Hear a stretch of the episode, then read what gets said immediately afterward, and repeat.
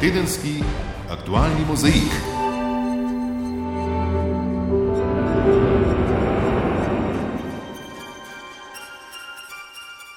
Lepo pozdravljeni.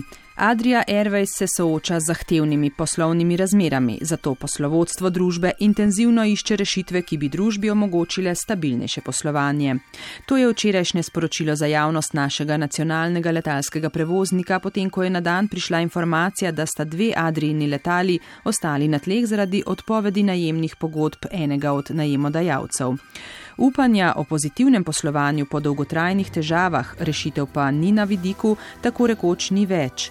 Očitno se je zgodilo, kar je bilo že nekaj časa mogoče slutiti in po mnenju profesorja Bogomirja Kovača bi se podobno lahko zgodilo tudi z drugimi najemodajalci. Adria ne more preživeti v takšni obliki, še pravi Kovač. In kaj sedaj? Ena izmed možnosti, ki bi jih lahko država imela, je, da preprosto družba gre v stečaj, zasebni lastniki prevzamejo pri tem odgovornost, potem pa Adria postane morda nova družba, ki jo država ustanovi na novo in potem začenjamo nekako novo zgodbo. Tudi odstop ministra za razvoj in kohezijsko politiko Istoka Puriča je bil za mnoge presenečenje, vendar za dobro obveščene pričakovan. Purič, sicer upokojenec in dolgoletni tesni sodelavec Alenke Bratušek, je prevzel ministerstvo po nepričakovani odstavitvi njegovega predhodnika Marka Bandelija iz kvote SAP. Uredil informacijski sistem za nemoteno črpanje evropskih sredstev in odšel. Problem, ki ostaja, so razmere na ključnem ministrstvu za pridobivanje nujno potrebnega evropskega denarja, ki bi moralo delovati kot dobro naoljen stroj, a se je tam v 17 letih zamenjalo 16 odgovornih za črpanje. Ministrica za infrastrukturo Bratuškova pa zadnjimi svojeglavimi poskusi poseganja v imenovanje direktorjev državnih energetskih podjetij deluje v nasprotju z vrednotami in smernicami korporativnega upravljanja Organizacije za ekonomsko sodelovanje in razvoj. In če danes mi pravzaprav gremo v spremembo, da bo vlada ali dovoljevala ali celo spreminjala sklepe nadzornih svetov, se nekako pomikamo v obdobje pred letom 2009 ali pa v tisto obdobje 2009-2010, zaradi česar je naš kas takrat, ki je začel za to kadrovsko prenovo na temelju OECD-ovskih eh, določil, pravzaprav kolektivno odstopil, kajti ministri so počeli natančno to. Premijeju Marjanu Šarcu preglavice povzroča tudi levica, še posebej njene politične igrice v zvezi s predlogoma za najbolj bogato predvideno državno blagajno za prihodni dve leti. Zato tudi znižanje postavk v vseh ministerstvih za odstotek oziroma skupaj za 100 milijonov ni bila posebna težava. Vprašanje pa je, ali bo premijer Šarec tvegal in vezal sprejem proračuna na zaupnico. O zaupnici se seveda še nisem odločil, še enkrat ponavljam, je še nekaj časa do tja. Oba predloga predvidevata presežek in nadaljne zmanjševanje javnega dolga, a kar vlada oznanja kot uspeh, da je proračun razvojno naravnan in celo socialen, v resnici ni čisto tako. Potrebno je uresničiti že določene razvojne prioritete, pravi profesor Kovač. Računsko sodišče je, kot vidite, v zadnjem mesecu dni postreglo z vrsto podatkov, kje in na kakšen način bi morala ta vlada odreagirati, če želi reševati tudi dolgoročna socialna vprašanja povezana s starajočo družbo, pa tega ni storila. Vlada v minulih desetih letih ni storila nič za izboljšanje socialne varnosti starejših, čeprav smo hitro starajoča družba. Namesto tega, da vkolpočevalski denar odteka na vse konce za nekakšne nedorečene študije, naprimer 74 milijonov evrov glede dolgotrajne oskrbe starejših in kot je prišlo na dan ta teden, 16 milijonov za študije o smotrnosti drugega bloka jedrske elektrarne Krško. Pa za estrado. Slovenske železnice so tako pevcu Wernerju plačale 80 tisoč evrov, ker je njihov promotor. Predvsej drago pa bo ne le Združeno kraljestvo, ampak tudi celotno Evropsko unijo stal morebiten Brexit brez dogovora. Vendar britanski premijer Boris Johnson še ni dal konkretnih alternativnih predlogov trenutnemu izstopnemu dogovoru. Predsedujoča svetu unije Finska je postavila ultimat, da mora London do 30. septembra predati pisne predloge glede dogovora, sicer bo vsega konec. Britanska vlada še vedno upa, da bo unija pripravljena opustiti irsko varovalo iz sporazuma. Čas pa teče in 31. oktober, ko naj bi Johnson uresničil obljubo in popeljal Britance iz Unije, se nezadržno bliža. Tedenski aktualni mozaik. Začenjamo z dogajanjem glede Adrije Airways. Da tudi na gospodarskem ministerstvu iščejo rešitve, je danes ob robu volilnega kongresa SMC povedal minister Zdravko Počivalšek. Gre za zasebno podjetje, a bo morala vlada, če podjetje ne bo šlo v pravo smer, najti rešitve, ki so jih začeli pripravljati na ministrstvu za infrastrukturo, je dejal, za sedaj pa, da čakajo na razplet. Del flote letal Adrije je včeraj ostal prizemljen. Agencija za civilno letalstvo je namreč prepovedala letenje z dvema modeloma letal Bombardier in sicer zaradi odpovedi najemnih pogodb najemodajalca Trident Aviation Leasing Service. Težave Adrije z zamudami in odpovedi letov se nadaljujejo tudi danes. Polet na relaciji Brnik-Cirih je bil odpovedan. Urška je rep. Za eno Slovenijo je to ena žalost, da ne moramo ene Adrije imeti eh, urejene tako, kot je treba. To je zelo nerodno za popotnika, ne? zelo nerodno, ker je sicer, sicer zelo udobno, da letiš z Brnika, ne? z domačega letališča, ne pa recimo z Benetka ali pa z Minhna. Ne? To bi bilo dobro ohraniti. Pač ni prijetno za potnika, mi imamo predstavljen let za eno uro, eno uro bomo še nekako, zdaj pa če bo še kakšna težava naprej. Ja, ni to lepo do, do potnikov, potniki računajo računajo na eno svoje potovalno, svoj potovalni čas. Takole z nejevero in razočaranjem so naključni potniki na Brniškem letališču včeraj komentirali najnovejšo zaostritev poslovanja v Adriji Airways.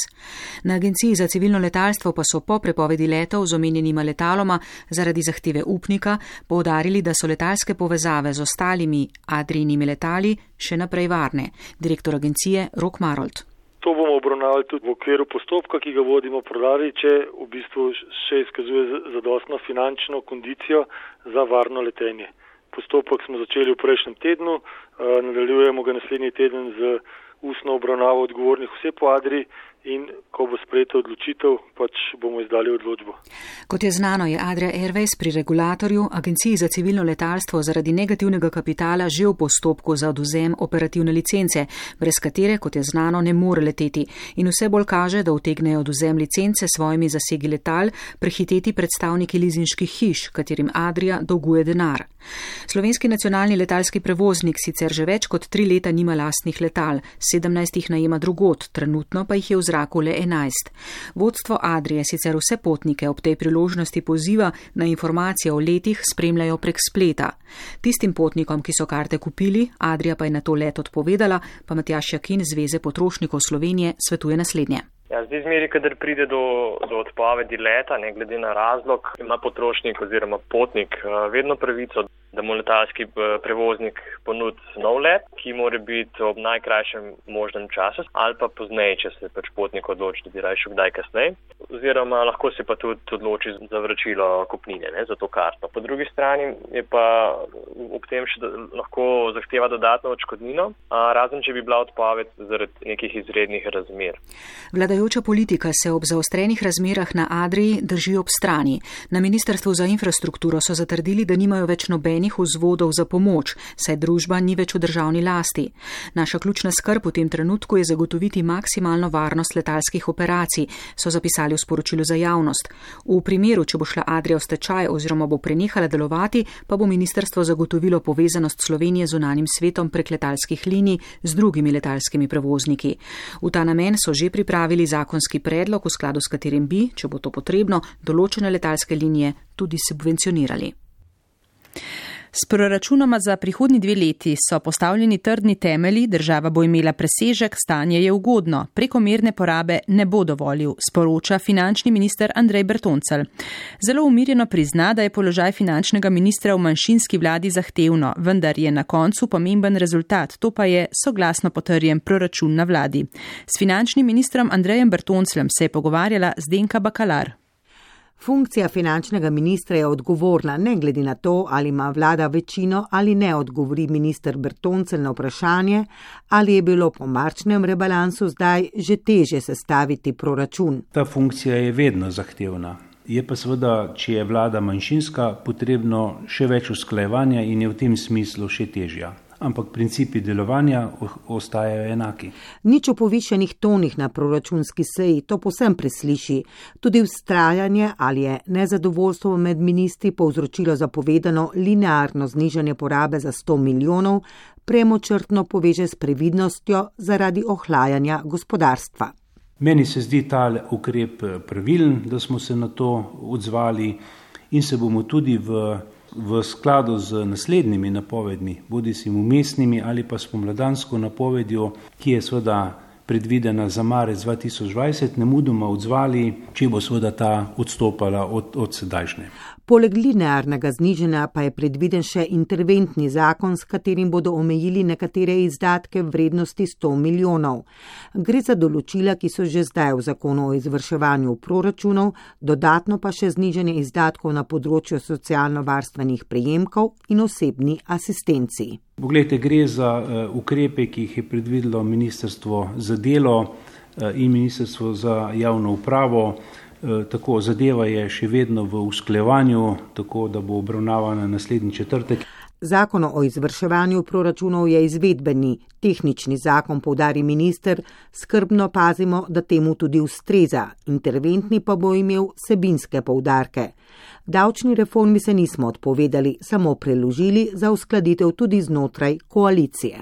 In mislim, da se vsi strinjamo, da je davčna uh, optimizacija potrebna, potrebna iz dveh vidikov, ker je dobra tako za zaposlene, kot tudi za gospodarstvo. Ukinitev dopolnilnega zavarovanja in posledično morebitno 150 milijonsko luknjo v proračunu ne želi komentirati.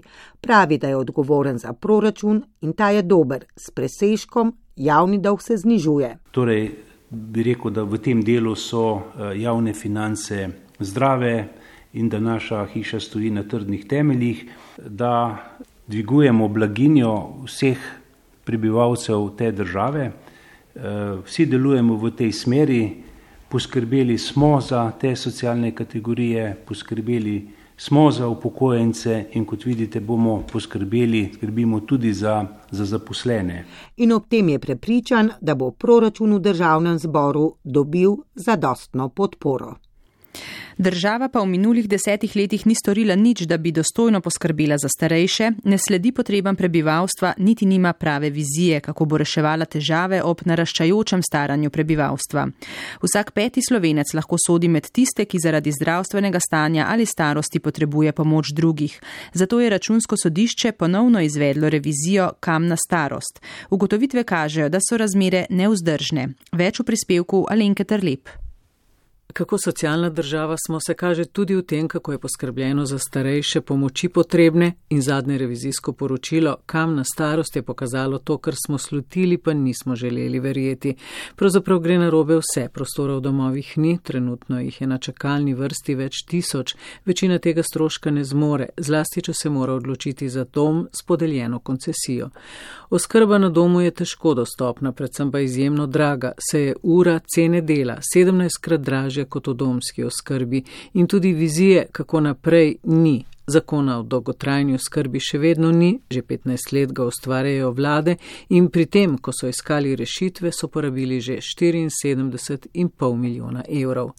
Starejši, predvsem pa njihovi bližnji, pa so še vedno v zagati, ko se znajdejo v težavi, kako zagotoviti pomoč bližnjemu.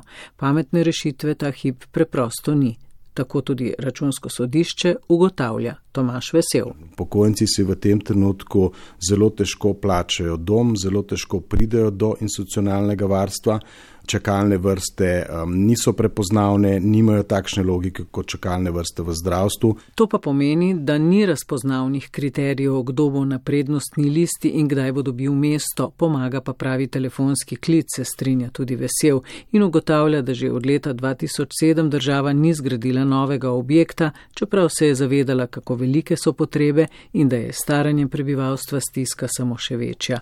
Podeljevala je koncesije zasebnikom, kjer je cena precej višja. Pri izvajalcih, ki izvajajo to v koncesijski obliki, je eh, oskrbovalci, državljani plačujejo 28 odstotkov več cene kot v javnih domovih. Zakaj? Zaradi tega, ker de facto dopuščamo, da stroške financiranja to vrstnih domov, plačujejo skrbovanci. Cena je seveda problematična, saj si s povprečno pokojnino 640 evrov komaj da poplačajo domsko oskrbo. V oskrbi, v tako imenovani prvem razredu oskrbe, ki si še uh, mobilen, potrebuješ manj pomoči, uh, je ta izračun mogoče še znese.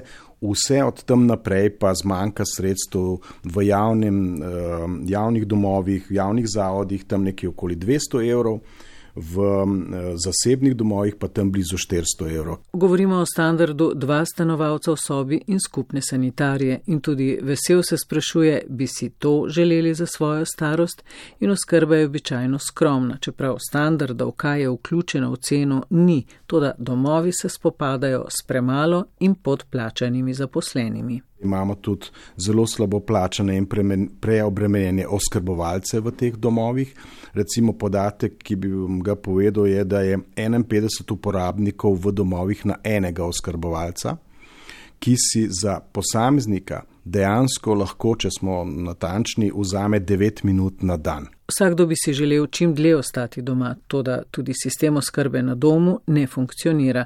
Kako živijo starejši, potem ko so odšli v pokoj, tega pravzaprav ne ve nihče. Opozarjamo, da praktično nihče ne zbira nekih res relevantnih podatkov. Za 90 odstotkov starejših torej ne vemo, ali kdo skrbi za nje ali so prepuščeni samim sebi. Pri oskrbi starejših je sistem odpovedal. Potreben bo družbeni konsens, kako zagotoviti sredstva, se sistem pokojnin ne bo zagotovil zadostoval za naraščajoče število starejših. Ne glede na vse, pa si starejši zaslužijo dostojno starost in v tem se kaže tudi blaginja države in veličina politike. Tedenski aktualni mozaik. Po devetih mesecih vodenja je z mesta ministra brez listnice, pristojnega za razvoj in evropsko kohezijsko politiko, odstopil Istok Purič iz stranke Alenke Bratušek. Minister Purič ni bil zelo izpostavljen član vlade, je pa nujni člen za pridobitev evropskega denarja, ki predstavlja največji delež razvojnih sredstev za Slovenijo. Več o odstopu in resorju Maja Derčar. Najprej je lani z mesta ministra brez listnice pristojnega za razvoj in evropsko kohezijsko politiko zaradi neprimernih grozilnih kratkih sporočil odstopil Marko Bandeli, včeraj še Istok Purič, oba iz kvote SAP. Iz različnih virov smo dobili potrditve, da je bila komunikacija med Puričem in vodjo Saba, infrastrukturno ministrico Alenko Bratušek, enostranska in napeta, da je Bratuškova govorila, Purič pa naj bi poslušal. Celo iz kabineta predsednika vlade prihaja namik, ki smo ga slišali že prej, da so se odnosi med Alenko Bratušek in Istokom Puričem zaustrili, ko je ta proti navodilom Bratuškove in v znak kljubovanja njej pritisnil tipko za kandidata za evropskega komisarja Janeza Lenarčiča. In viri nam pravijo, da Purič ni zares obvladoval ministerstva, pač pa so to počeli ljudje, ki so prek Bratuškove prišli na visoka mesta na službi vlade za razvoj in kohezijo ki so naročali revizije in zganjali teror. Slabi odnosi in poslabšani delovni pogoji, zanemarjanje razvojnega vidika službe, ki ima v svojem imenu razvoj, vse to naj bi bila realnost ministerstva. V stranki Alenke Bratušek zanikajo kakršne koli napetosti med Alenko Bratušek in Istokom Puričem. Pravijo, da je minister opravil težko gorsko dirko, to je odprava napak v informacijskem sistemu, ki je ključen za črpanje evropskih sredstev, vendar je presodil, da ni človek za dolge proge, zato bo delo prepustil nasledniku. Glede poslabšanih odnosov oziroma odhoda številnih uslužbencev pa pojasnjujejo, da so jim z revizijo stopili na prste in pri njih odkrili nepravilnosti, zato so odšli. V oči bode značilnost kohezijske politike v Sloveniji, da nima stabilnega vodstva.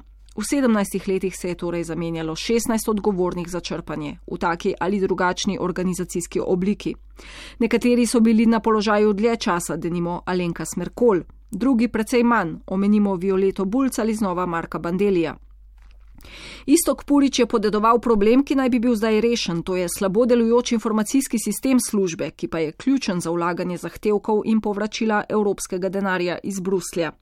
Ta problem je službo zaposloval več let, gotovo intenzivno zadnje leto.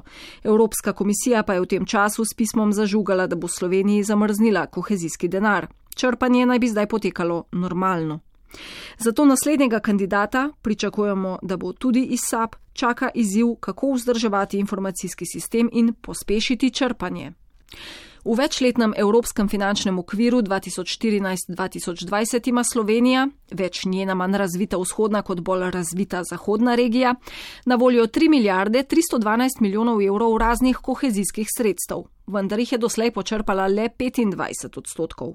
Kar pomeni, da se mudi, je pa res, da bo črpanje mogoče še tri leta pozneje, torej do 2023. Vsakokratna vladajoča politika obljublja premike na področju črpanja, vsakokratna opozicija kritizira dinamiko, torej počasnost črpanja. Tisti, ki projekte pripravljajo, grajajo počasen odziv ministrstv, denimo za okolje in prostor. Tisti, ki projektov nimajo, med njimi nekatere vasi, se jezijo nad zahtevanimi pogoji za pridobitev sredstev, češ še pločnika in interneta nimamo, pa bi morali kandidirati s super inovativnimi vsebinami. Voditi službo vlade za razvoj in evropsko kohezijsko politiko zato ni šala in gotovo ni veliko ljudi, ki bi ugriznili v to jabolko. Zdravko Počivalšek je novi predsednik stranke Modernega centra. Kot sicer edinega kandidata so ga na današnjem kongresu v Ljubljani soglasno izvolili delegati stranke. Kongres je spremljala tudi Nataša Mulec, ki jo lepo pozdravljam v studiu. Nataša, v kakšnem duhu je potekala zamenjava na čelu SMC-ja in kaj bodo prvi koraki novega predsednika Zdravka Počivalška? Lep pozdrav, zamenjava na čelu SMC-ja je lahko rečemo potekala organizirano v kolegijalnem vzdušju, brez kakršnih koli dram med Mirom Cerarjem in Zdravkom Počivalškom. Cerarju so v znamenje zahvale podelili tudi naziv častnega predsednika SMC-ja. Da ni zamer, pa govori tudi to, da bo Cerar v SMC-ju ostal aktiven član, čeprav se bo, kot je povedal, zdaj bolj posvetil ministrovanju. Cerar je na kongresu večkrat ponovil, da so v petih letih naredili nekaj napak, bili naivni in da jih je tudi to stalo javno mnenjske podpore. SMC-ja namreč ankete javnega mnenja skoraj da ne zaznavajo. In tu zdaj v igro stopa zdravko počivalšek, ki z desetimi poslanci in štirimi ministri nima slabe politične popotnice. Tega se zaveda, zato tudi pričakovano njegova napoved o tem, da bo kot predsednik SMC-ja najprej skušal dvigniti ugled stranke v javnosti. Vprašali smo ga seveda na kakšen način, pa predlagam, da kar prisluhnemo, kaj nam je povedal. Mislim, da je temelj vsake stranke mreža na terenu. Mi mrežo imamo, želimo jo revitalizirati, to bomo tudi storili in kot taki bomo v tem bolj imuni tudi na javnomnenjske raziskave, za katere pa verjamem, da bodo skozi naše rezultate slej, ko prej pokazale tudi pozitivne odzive. Ob tem lahko dodam še, da SMC smeri in vrednot eh, ne bo spreminjala, ostajajo na socialno-liberalni poti. Bo SMC ostala samostojna stranka ali ima počivalšek v načrtu povezovanje s programsko sorodnima LMŠ-jem in Sabom ali kakšno drugo stranko? Na to vprašanje je Počevalšek tudi danes odgovoril, da je pristaš povezovanja in sodelovanja tudi v politiki, a da ta hip še ni pravi čas. Kot je bilo razumeti, bodo v SMC-ju najprej delali na sebi in se šele potem odločali s kom in kako naprej. Da SMC pod Počevalškom ne bo razmišljala niti levo, niti desno, pa govori tudi današnja politično zelo pestra paleta povabljenih gostov. Omenila si pestro paleto povabljenih gostov, kdo vse so bili? Je tako je, na kongresu so bili tako predstavniki koalicije s premijejem Marjanom Šarcem na čelu, opozicije zunaj parlamentarne SLS gospodarstva in obrtnikov. Predlagam, da prisluhnemo, kaj so prišli sporočiti Franz Breznik SDS, Jožef Horvat Nova Slovenija, Marjan Podobnik SLS in Boštjan Gorjub z gospodarske zbornice. Veste, eno je tista politična tekma, ki je v parlamentu, drugo pa je, ko gledamo dol naročno. Smo zelo blizu, kar se tiče gospodarskih pogledov na, eh, na Slovenijo. Slovenska ljudska stranka in stranka modernega centra sta zdaj v situaciji, da pravzaprav ne moreta veliko izgubiti, lahko pa veliko pridobita, če potegneta prave poteze. Želimo si ponuditi roko partnerstva politiki, Naj povem še, da je počivalšek odgovarjal tudi na vprašanje, zakaj na kongres ni prišel sicer povabljeni predsednik SDS-a Janez Janša, pa nam je počivalšek pojasnil, da se mu je Janša zaradi obveznosti v tujini upravičil. Je pa počivalšek to vprašanje skoristil še za pojasnilo, da se mu zdi nespremljivo zavračanje komunikacije s katerim koli predsednikom stranke, čež da vsak od njih zastopa interese določenega dela voljivcev, a ne glede na to so bili na današnjem kongresu v SMC-ju spočivali Počivalškom na čelu jasni in sicer, da bo stranka ostala stabilen del Šarčeve vlade. Nataša, najlepša hvala za pojasnila. Hvala tudi tebi. Tedenski aktualni mozaik. Ta teden obeležujemo Evropski teden mobilnosti, namen pa je spodbujanje in promocija trajnostno naravnanih prometnih ukrepov na lokalni in nacionalni ravni. Gre za dogodek, ki je v Evropi prisoten že več kot 20 let in je sprva mestom ponujal priložnost, da pokažejo svoja prizadevanja za varstvo okolja. V zadnjih letih pa se je razširil po vsem svetu. Letos so teden mobilnosti pripravili v 48 državah in v več kot 2800 mestih. Letošnji slogan pa se glasi Gremo peš in izpostavlja prednosti hoje v primerjavi z uporabo osebnih avtomobilov. Teden mobilnosti pa vsako leto predstavlja tudi priložnost za razpravo o aktualnih prometnih izzivih, med katerimi je zdaj v spredju razmah električnih skirojev, ki v javnosti sprožajo precej polemik. Prispevek Jureta Čepina. Hoja je v sodobni družbi nekoliko zapostavljen način mobilnosti, saj imamo vse večje potrebe po vse daljših dnevnih poteh. S tem pozabljamo, da je v večini slovenskih naselij pot mogoče tudi prehoditi in namesto tega raje sedemo v avto, pravi Polona Demšar Mitrovič, nacionalna koordinatorka Evropskega tedna mobilnosti. Skoraj 70% poti se upravi z avtomobilom in tudi slovenska gospodinstva namenjajo najvišji delež eh, finančnih sredstev za prevoz, najvišji delež v Evropi. To pomeni, da smo zelo avtomobilsko orientirana družba in to tudi takrat, ko bi lahko šli drugače, peš ali s kolesom ali imamo na voljo ugodno povezavo z javnim prevozom, se tega načina ne poslužujemo. Tako da je precej rezerv še v teh trenutnih danostih, kar nekaj rezerv pa v tem, da moramo izboljšati infrastrukturo za pešce, kolesarje in javni prevoz. Tem oblikam mobilnosti se je v zadnjem obdobju bliskovito pridružila še ena. Električni skiroji, ki so preplavili evropska mesta in javnost razdelili na dva pola. Njihovi zagovorniki podarjajo preprosto enačbo. Več skirojev pomeni manj avtomobilov in manj onesnaženja ter več parkirnih mest v mestnih središčih.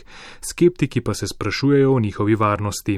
Robert Štaba, predsednik zavoda Varna pot. Jaz to revolucijo gledam in če bi meni nekdo pred 20 leti rekel, da se bom iz nekega R plus P vozil z nekim uh, skirojem in električno, ko raketa bom bil, seveda brez čeladice, bi rekel, to je nekaj čudnega. Danes so med nami, zaletavajo se in tako, kot je rekel Robert Cugel, to je moj prijatelj, direktor Soče, prav, veš, to ste dobro delali, da več nismo imeli poškodb glave, ampak zdaj, odkar je pa ta stvar, pa so se nam pojavili. Zaradi majhnih koles so namreč veliko bolj občutljivi na neraven teren in ovire na vozni površini, zato lahko hitro pride do padca. Poleg tega so zelo tihi in jih drugi udeleženci v prometu teže zaznajo. Dodatno težavo predstavlja tudi hitrost, saj večina skirojev dosega in presega 25 km na uro.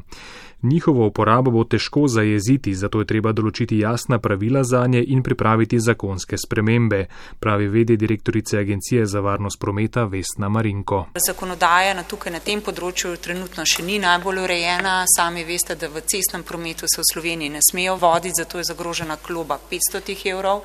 Um, dovoljeni so sicer na površinah za pese in pa na kole, uh, kolesarskih površinah. Zagotovo pa je treba tukaj pogledati tudi morda prakso um, evropskih držav na tem področju, kjer se Poleg to, kjer se vozijo, omejuje moč motorja električnih skirojev, treba je pogledati, da se starostna meja um, opredeljuje in pa zavaruje odgovornost. Ministrstvo za infrastrukturo je sicer že pripravilo novelo zakona o pravilih cestnega prometa, ki bo urejala tudi področje novih prevoznih sredstev, trenutno pa je v medresorski razpravi. S to problematiko se sicer ukvarja tudi Evropska komisija, saj mesta za zdaj primernih rešitev za regulacijo skirojev še niso našla, pravi komisarka za promet v odhodu Violeta Bulc. Lahko seveda prepovemo, to je najbolj enostavno. Eh, nekateri so se tega že poslužili ker je bilo preveč, eh, celo smrtne žrtve so se začele pojavljati in določena mesta so rekla, ne, tega ne bomo dovolila. No, rešitev se skriva bolj v smeri, da eh, se naučimo, kako deliti urbani prostor bolj na odgovoren način. In recimo slovenska cesta je eden od primerov, ker tam uh, vsi pričakujemo, da moramo paziti, kako se obnašamo. Peseč ves čas je pozoren in na avtobus in na kolesa in na taksi službe in um, na uh, e-skuterje enako vsi ostali udeleženci. Po predlogu ministrstva bodo sicer skiroji uvrščeni med posebna električna prevozna sredstva, ki jih bo dovoljeno uporabljati na pločnikih in kolesarskih stezah, pri čemer bodo morali vozniki hitrost prilagoditi površini. Tedenski aktualni mozaik. Ura je 17 in 32 minut na tuje. Pred tednom dni so pomankljivosti protizračne obrambe Saudske Arabije, poleg Izraela najtesnejše ameriške zaveznice na Bližnjem vzhodu, postale več kot očitne. Brezpilotna, daljinsko vodena letala so napadla naftne zmogljivosti v Abkaiku, Abkaiku in Kuri. Kuraisu in tako prepolovila savdski izvoz nafte. Čeprav so odgovornost za napad prevzeli jemenski huti, so v Washingtonu odgovornost takoj pripisali Iranu. Združene države Amerike sicer napovedujejo umike svojih vojakov iz regionalnih žarišč, a napovedi se običajno prelevijo v krepitev vojaške navzočnosti na tujih tleh. Iz Washingtona Andrej Stopar. Ironija usode je hotela, da se je zapletla takoj po odhodu zagovornika politike trde roke svetovalca za nacionalno varnost Johna Boltona iz Bele hiše. Ironija je tako velika, da so predsedniku Trumpu naklonjeni mediji odstavitev Boltona naslovili golob proti jastrebu. Očitno je, da Donald Trump noče vojne, a prej kot predsednikova miroljubna nota odločitvi botruje stroškovnik. Vojna je draga reč. Nič manj jasno ni, da v jati Bele hiše tudi po odhodu Boltona jastrebov ne primankuje. Eden od njih je zmagovalec v zakulisnem boju med rivaloma, državni sekretar Mike Pompeo. Iz njegovega kroga je prišlo tudi ime Boltonovega naslednika Roberta O'Briena, kariernega diplomata. Nekateri so si oddahnili, da prihaja neizrazitež z majhnim vplivom, drugi so našpičili v šesa. Vpliv Pompeja raste. Zunani minister je tisti, ki je brez dlake na jeziku odgovornost za napad na savdske naftne zmogljivosti pripisal Iranu. V Beli hiši pa so govorili, da je srečanje med predsednikoma Trumpom in Hasanom Rohanjem prihodnji teden v New Yorku še zmeraj mogoče. Teheran vse obtožbe in možnost srečanja, dokler vladajo sankcije proti Iranu, odločno zavrača. Ne le, da se bodo sankcije okrepile, predvsem proti iranski centralni banki, kar bo onemogočilo že tako do skrajnosti oteženo iransko mednarodno finančno poslovanje, sekretar Pompeo je med nujno službeno potjo na arabskem polotoku utrjeval ameriško koalicijo v regiji. Rezultat? Krepitev ameriške vojaške navzočnosti. In response to the kingdom's request, Odgovor na prošnjo kraljevine je predsednik odobril odpravo ameriških vojaških enot v obrambne namene. Sile bodo v prvi vrsti osredotočene na protizračno obrambo. Povečali bomo tudi oskrbo Saudske Arabije in Združenih arabskih emiratov z orožjem, da se boste državi lahko uspešno branili sami, je dejal vršilec dožnosti ameriškega obrambnega ministra Mark Esper. Ne glede na predznak administracije, ameriški interesi v regiji so jasni, stabilni, nespremenljivi zagotoviti nemoten tok arabske nafte. Saudici so že zagotovili, da bodo obnovili obseg izvoza do konca meseca. Jemenski hutiji, ki jih v tej igri očitno nihče ne jemlje resno in ne verjame v njihovo zgodbo z droni, so sicer zagotovili, da ne bodo več usmerjali svojih izstrelkov in dronov na saudsko ozemlje, da pa pričakujejo enako potezo druge strani. Razmere k odkriti konfrontaciji silijo Iran, ki se je temu do zdaj izogibal in raje podpiral določene skupine in politike v regiji, seveda tudi hutije. Udarili bomo, udarili bomo pa vsakomur, ki bo prestopil mejo, je zagrozil poveljnik iranske revolucionarne garde, general Hossein Salami. Izrael, ki se sicer trenutno ukvarja s sestavljanjem vlade, je pripravljen in pozorno spremlja razvoj dogodkov. Tudi izraelski interesi v soseščini in svetu se ne spreminjajo bistveno z barvami strank na oblasti. In tukaj torej smo. Novosti, ampak nič prav dejansko novega.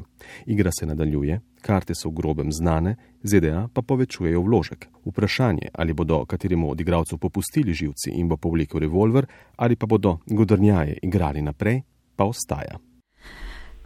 Splošne volitve v Izraelu so prinesle precej politične negotovosti glede tega, kdo bi lahko sestavil novo vlado. Izrael je gotovo na prelomnici, dosedani premije Benjamin Netanjahu z najdaljšim stažem pa je izgubil ves politični kapital, ki ga je imel.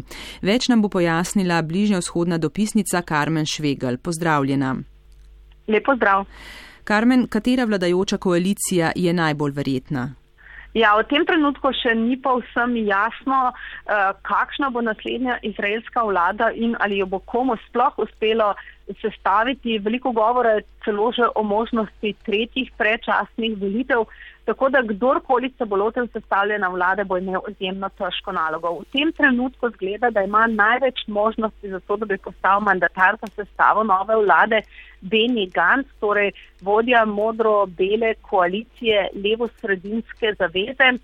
On je tisti, ki uh, naj bi ga predlagalo največ uh, vodi strank za to. Uh, predsednik Rivlin pa je tisti, ki bo na koncu odločil.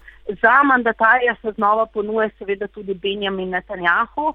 Takoj po volitvah je sklenil neko novo zavezo z desničarskimi strankami, tremi strankami, eh, dvema verskima in eno nacionalistično. In če torej zdaj on sebe razume kot vodjo vseh teh strank, ima dejansko v parlamentu, v novem knezetu, največ sedežev. A največ, kot sem že dejala, največ voditeljev strank eh, bi vendarle predlagalo Ganca za to, da se stavi vlado, da vsaj poskusi. Bomo pa potem videli, kako se bo odbilo, kaj ti težava je v tem, da Ganc, če želi sestaviti vlado, potrebuje v bistvu tako glasove stranke Avidorja Libermana, ki je zapresežen desničar, in na drugi strani glasove arabskih strank. In te dve opciji nikakor ne greste skupaj in se nekako izločujete. Zato bo tudi Gans imel resnično težko nalogo, eh, če bo želel dobiti dovolj glasov, da bi, da bi vsaj eh, podprli manjšinsko vlado, če ne drugega. Se mora Likud, če hoče ostati na oblasti, znebiti Netanjahuja? Se njegova politična karijera vendarle počasi končuje? No, če so te volitve, kot smo lahko večkrat slišali, bile neke vrste referendum o Benjaminu Netanjahuju, eh, potem lahko z gotovostjo rečemo, da je ta referendum izgubil. Tokrat je dobil eh, manj podpore, manj sedežev v parlamentu kot na aprilskih volitvah. Eh, nekako se. Um, oddaljujejo od njega. Establishment, eh, meceni, eh, politični zavezniki so ugotovili, da ni več ta zmagoviti eh, kon, kot je nekoč bil in se od njega oddaljujejo. Tudi znotraj njegove stranke veliko slišimo glasove, da bi bilo treba stranko postaviti pred njenega voditelja in torej vstopiti morda v modro-belo koalicijo z Benjem Gancem, torej brez Benjamina Netanjahoje, kajti on je v bistvu prepreka do te nove koalicije, do te nove vlade. A tega si vse za zdaj še nihče ne upa povedati na glas, nekako vsi se kar malce bojijo Benjamina Netanjahoja, ki želi v tem trenutku obdržati vse vajeti v svojih rokah, zato je tudi v bistvu odpovedal pot na Generalno skupščino Združenih narodov v New York, da bi ostal doma in za vsak primer imel na očeh torej vse svoje sovražnike, morda pa še bolj svoje prijatelje. Karmen, zadnje izraelske volitve so bile zelo napete. Izidi pa nasprotujoči, vsaj glede tega, kam naj gre država v prihodnje. Torej, na eni strani so prišle v spredje stranke, ki zagovarjajo vlado narodne enotnosti, pa vendar na drugi strani judovska država ostaja globoko razdeljena. Uh, tako je, država ostaja globoko razdeljena. In to, uh, če tako rečem, po dveh polih, na, enim, na eni strani imamo desnico in levico. In druga razdeljenost, ki se je zdaj še bolj izkristalizirala, je razdeljenost med sekularnimi silami in verskimi. Veliko ljudi, s katerimi smo govorili, so dejali, želimo samo vlado, v katerih ne bo več pravovernih judov, ti ljudje si enostavno dovolijo preveč in morajo k državi prispevati toliko, kot mi vsi drugi. In to je v bistvu tudi bila zanimiva kampanja Avigdora Libermana, sicer desničarja, ki pa eh, zagovarja torej eh, bolj nacionalizem, če tako rečem, in njegova retorika je proti, eh, usmerjena proti verskim eh, strankam. Torej, on je zagovarjal uh, državo brez verskih, torej vlado brez verskih strank in brez Netanjaha. In to so ljudje v bistvu podprli. Uh, zdaj lahko vidimo, seveda, tako Likud kot um, modro-bela koalicija zagovarjata um, neko enotnost, ampak dejstvo je, da ti dve stranke ena z drugo v resnici ne želite sodelovati.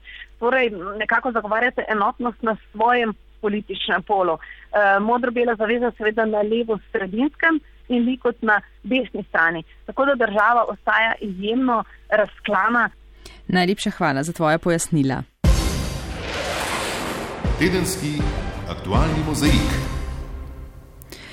V Evropskem parlamentu bo od 30. septembra do 8. oktobra potekalo zaslišanje kandidatov za komisarje v ekipi Ursule von der Leyen. Zaslišanje slovenskega kandidata Janeza Lenarčiča bo 2. oktobra zvečer pred odborom za razvoj, v katerem ni poslancev iz Slovenije, v odboru za okolje, javno zdravje in varnost hrane kot pridruženem odboru pa je Ljudmila Novak.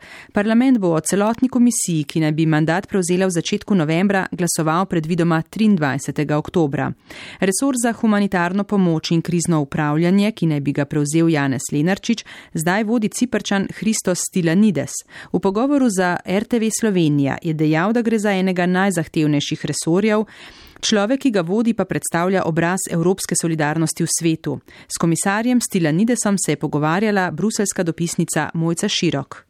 S komisarjem Stiljanidesom sem se pogovarjala v četrtek v središču Bruslja v Evropskem centru za krizno odzivanje, ki je hrbtenica njegovega resorja. Prav zato je beseda najprej nanesla na dogodke, ki so najbolj zaznamovali njegov mandat. Epidemija ebole leta 2014 v Sierra Leone, Liberiji in Gvineji, pravi, ga je zaznamovala zavedno. Around 10,000 victims per day. Takrat je bilo več kot 10 tisoč žrtev na dan. Zelo blizu smo bili pandemiji. Če se spomnite, smo se vsi bali, da se bo ebola pojavila tudi v Evropi in ZDA. To je bila zelo boleča izkušnja. Tudi Evropa je bila eden glavnih dejavnikov, da se epidemija ni razširila v pandemijo.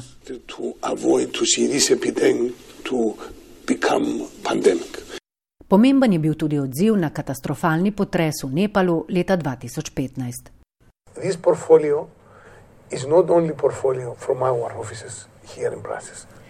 Tega resorja ne moreš voditi iz pisarne v Bruslju, biti moraš na terenu, razmere moraš proučiti na terenu, predvsem pa moraš govoriti s tamkajšnjimi ljudmi. Resor za krizno upravljanje ima po njegovih besedah humanitarno in politično dimenzijo hkrati. For example, in, in Iraq, through humanitarian aid, V Iraku, na primer, lahko preko humanitarne pomoči podpiramo tudi spravo in mir. Na kraju samem lahko vidimo dejanske učinke našega dela. Proračun za humanitarno pomoč se bo v naslednji sedemletni finančni perspektivi sedmih povečal na 11 milijard, skupno pa resor razpolaga s približno dvema milijardama evrov na leto.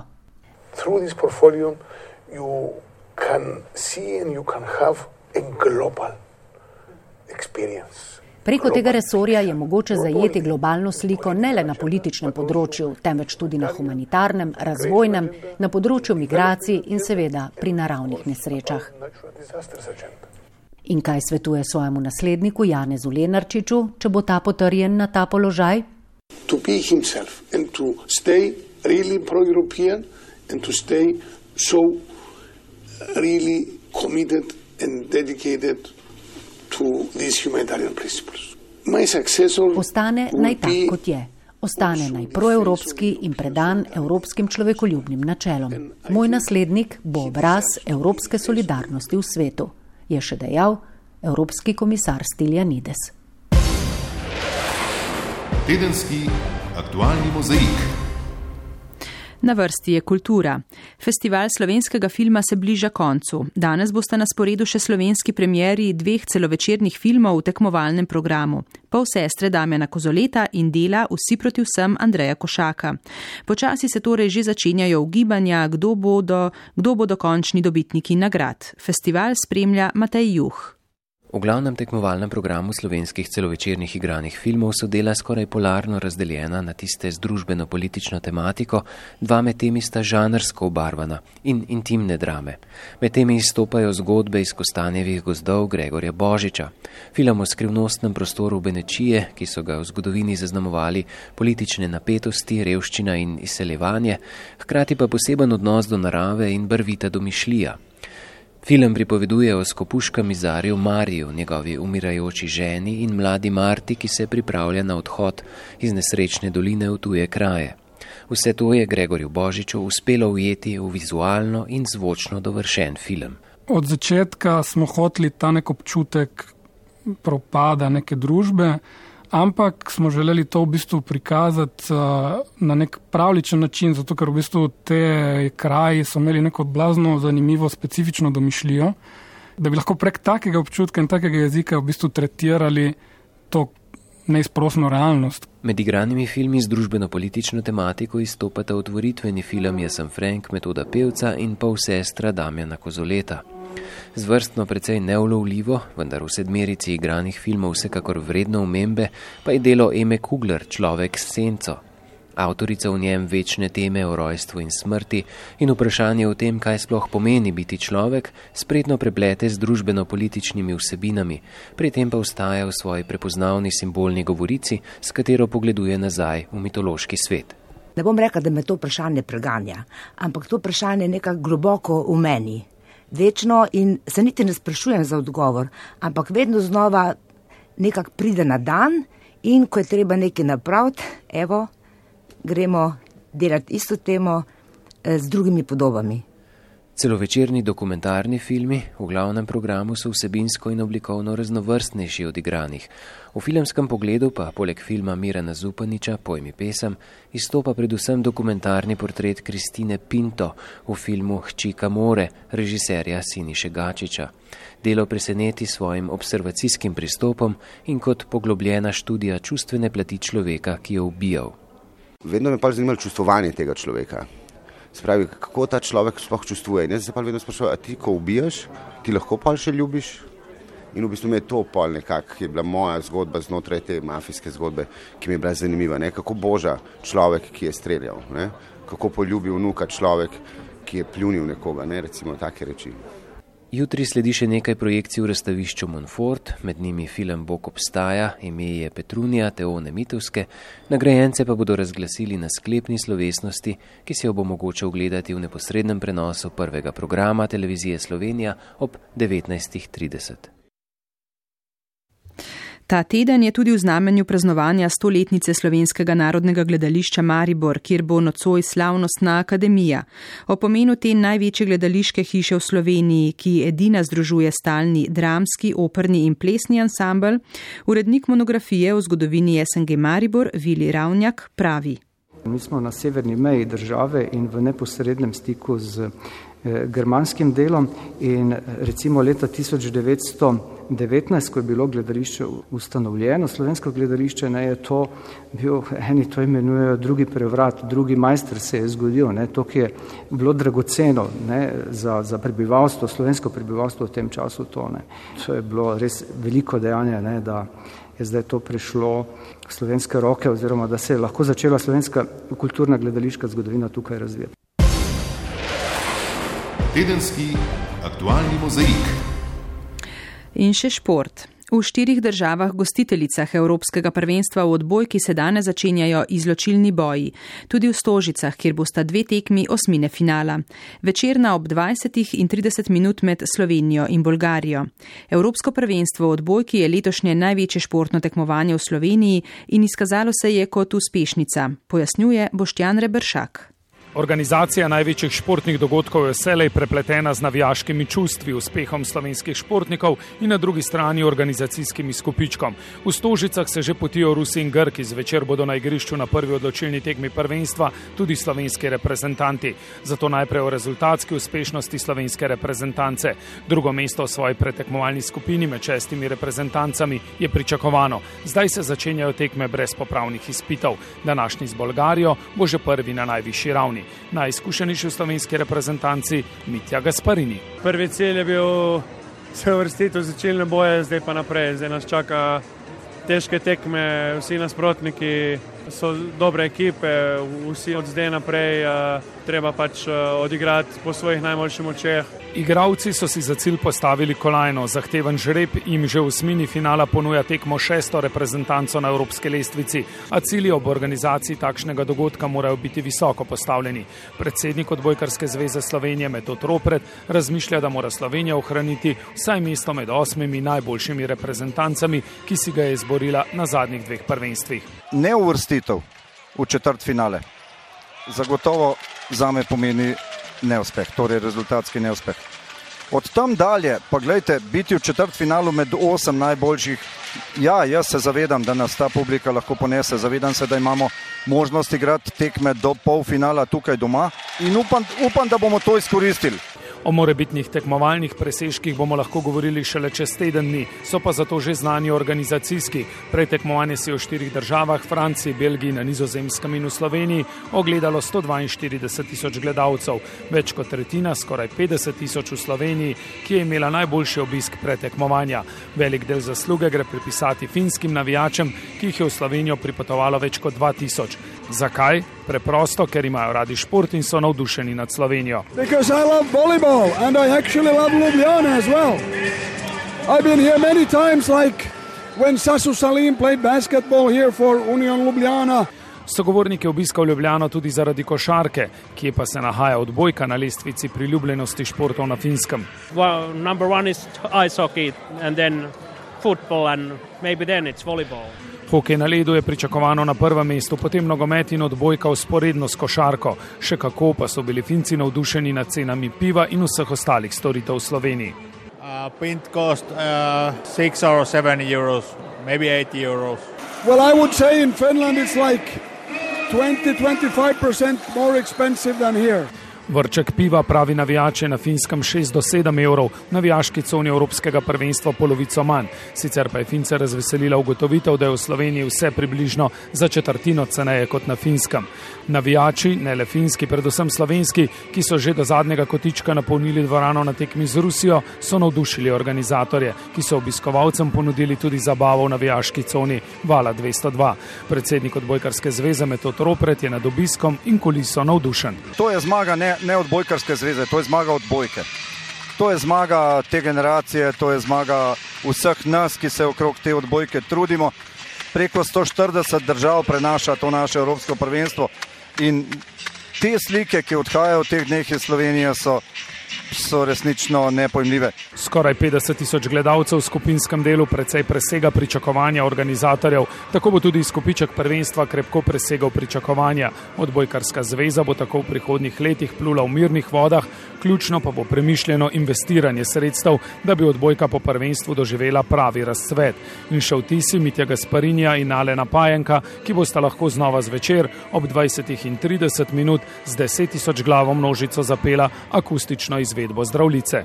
Krasno, eh, res, res prekrasno, to so ne, ne, sanje, mislim, da od vsakega od nas. Moramo pač uh, uživati to, kar imamo doma, evropsko, in uh, res upam, da bomo od zdaj naprej pustili še več srca, še več krvi na igrišču in uh, res uh, se odožili navijačem.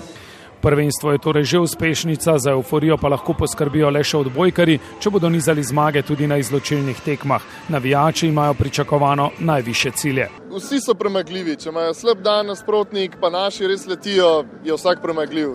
Prešli bojo naprej, to po moje je že dosti. Jaz mislim, da lahko do finala gremo, ne? Do finala. Definitivno so sposobni do kam pa lahko pridajo naši? Do vrha. Na vrhu Slovenci še niso bili, so pa pred štirimi leti osvojili srebro, ki ga želijo nadgraditi pred domačimi gledalci. Kako uspešni bodo, izveste v naslednjih dneh tudi na Radiu Slovenija. Tedenski aktualni mozaik.